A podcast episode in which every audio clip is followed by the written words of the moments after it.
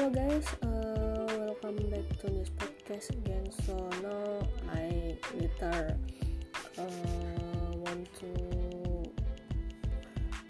read uh, about I interesting, really interesting about the book from the reader by Adam Smith.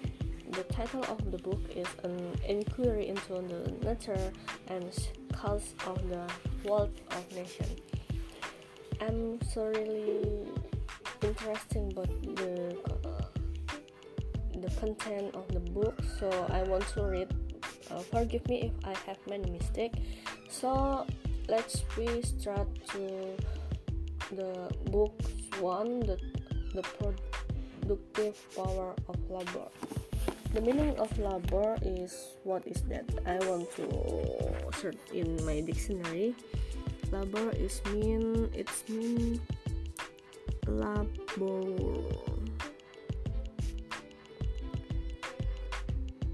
Labor it's mean that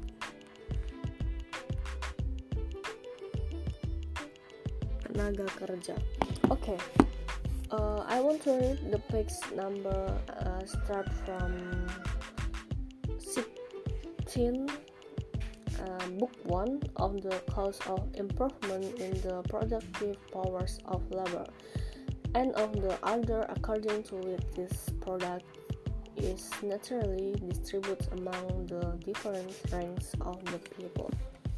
Okay let's we start to chapter 1 the, the chapter is of the division of labor Actually, the great improvement in the productive powers of the labor and the great part of the skills, dexterity, and judgment with which is with which is it is anywhere directed or applied seems to have been the effects of the division of labor. The effect, of, the effect of the division of labor in the general business of society will be more easily understood by considering in what manner it operates in some particular manufacture. It is commonly uh, supposed to be carried further uh, in some very trifling ones, not perhaps that it really is carried further in them than in other other of more important but in the traveling manufacture which are destined to supply the small ones of but a small number of people. The whole number of workmen men must necessarily be small and thus employment in every different branch of the work can often be called into the same workhouse and place and at once under the view of the spectre. In the discrete manufacture, on the contrary, which are destined to supply the great wants of the great body of the people.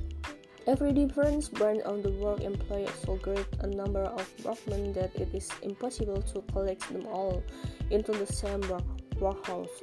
We can seldom more at one time than thus employ in one single branch through in such manufacture. Therefore, the work may really be divided into a much greater number of parts than in those of a more trifling nature.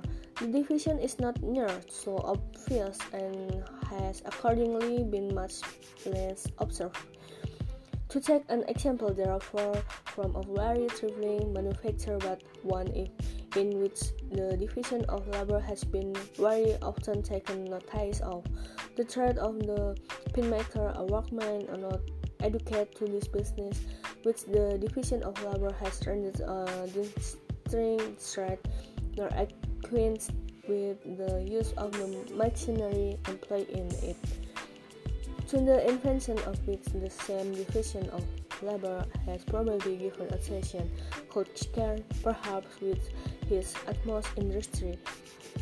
Make one pin in a day and certainly could not make 20, but in the way in which in this business in, is now carried on not only in the whole work in a peculiar trade, but it is divided into a number of brands, of which the greatest part of are like these peculiar traits. One man drove out the wire, another strike it, uh, third cut it, uh, fourth point it, uh, 50 greens it at the top for receiving the head. To make the head required to or 3D operation to pull it on is a peculiar business. To within the pin is another. It is even a threat by itself to put them into the paper and the important business of, uh, of making a pin is in it in this manner divided into about 18 distinct operations which in, in some manufactories are all performed by distinct hang talk in other cement will sometimes perform two or three of them. I have seen a small manufactory of the kind of the, this kind where then men only were employed and where some of them consequently performed two or three distinct operations. But through they were very poor and therefore but indifferently accommodated with the necessary machinery they could not when the experts themselves make among them about themselves pound of pin in a day. They are in a pound upward of 4,000 pin of a middle size. Those the person thereafter could make among them upward of 48,000 pin in a day. Each person, each person therefore making a 20 part of 48,000 pins may be considered as making 4,800 pins in a day.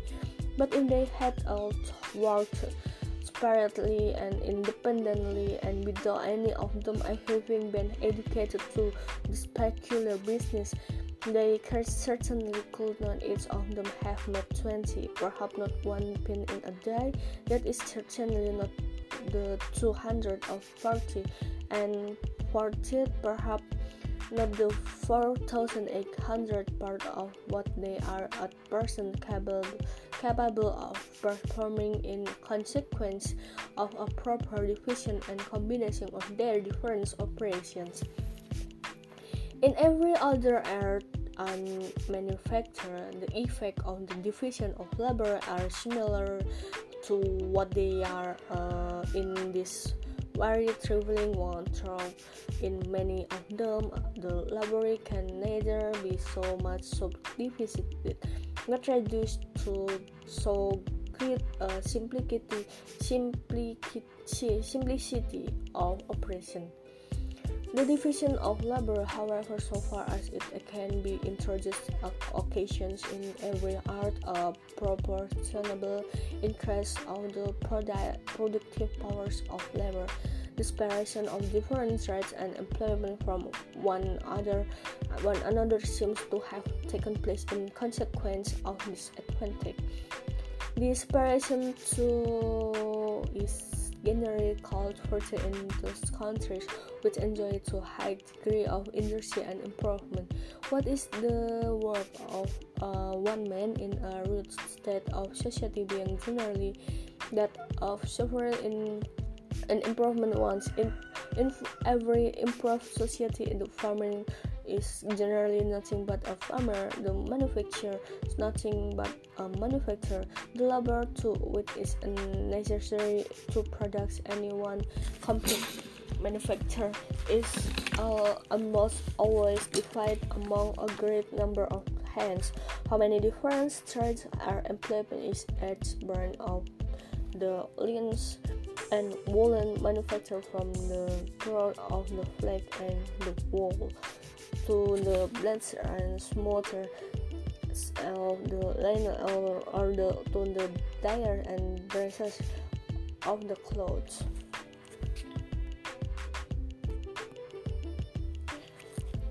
Okay, the nature of agriculture indeed does not admit of so many sub subdivision of labor, not not also complete separation of one business from another as manufacturer.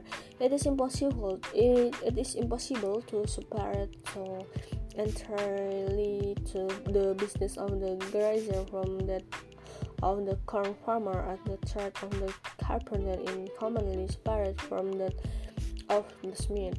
The spinner is almost always a distinct person from the weaver, but the ploughman, the however the sower of the seed and the reaper of the corn are often the same.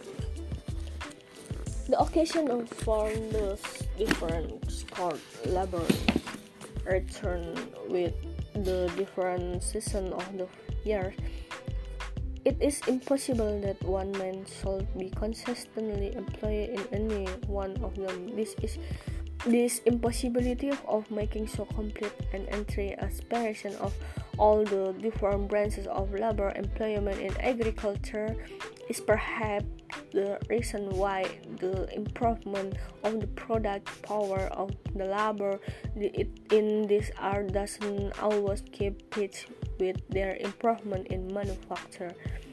The most opulent nation indeed generally excel all their neighbors in agriculture as well as in manufacture, but they are commonly more distinguished by their superiority in the latter than in the former. Their land are in general better cultivated and having more labor and expense bestowed upon them product more in proportion to the extent and natural fertility of the ground, but this superiority of product is seldom much more than in proportion to the superiority of labor and expensive. In agriculture, the labor of the rich country is not always much more productive than than that of the poor, or at least in it is never so much more products as it commonly is in manufacture. The corn of the rich country therefore will not always in the same degree of goodness uh, come cheaper to market than that of the poor. The corn of Poland in the same degree of goodness it is a cheap as than of France. Not notwithstanding the superior opulence and improvement of the latter country. The corn of France is in the corn province fully as good and in most years nearly about the same price. With the corner of England, talk in opulence and improvement, France is perhaps inferior to England. The corn lands of England, however, are better cultivated than those of France, and the corn land of France are said to be much better cultivated than those of Poland. But though the poor country, notwithstanding in the inferiority of its culti cultivation, can it some measure rival the rich in the cheapness and goodness it, of its corn. It can pretend not to not such competition in manufacture, at least if this manufacture suit the soil, climate, and situation of the rich country. The sales of France are better and cheaper than those of England because the sick manufacturer, at least under the present duties upon the importation of raw sick, does not so well suit the climate of England as that of France, but the hardware and the cars of England are beyond our comparison superior uh, to those of France and much cheaper too in the same degree of goodness. In Poland, there are said to be share uh, shirts any manufacturer of any kind. A few of these cars Sir household manufacturer expect without which not country can well subsist.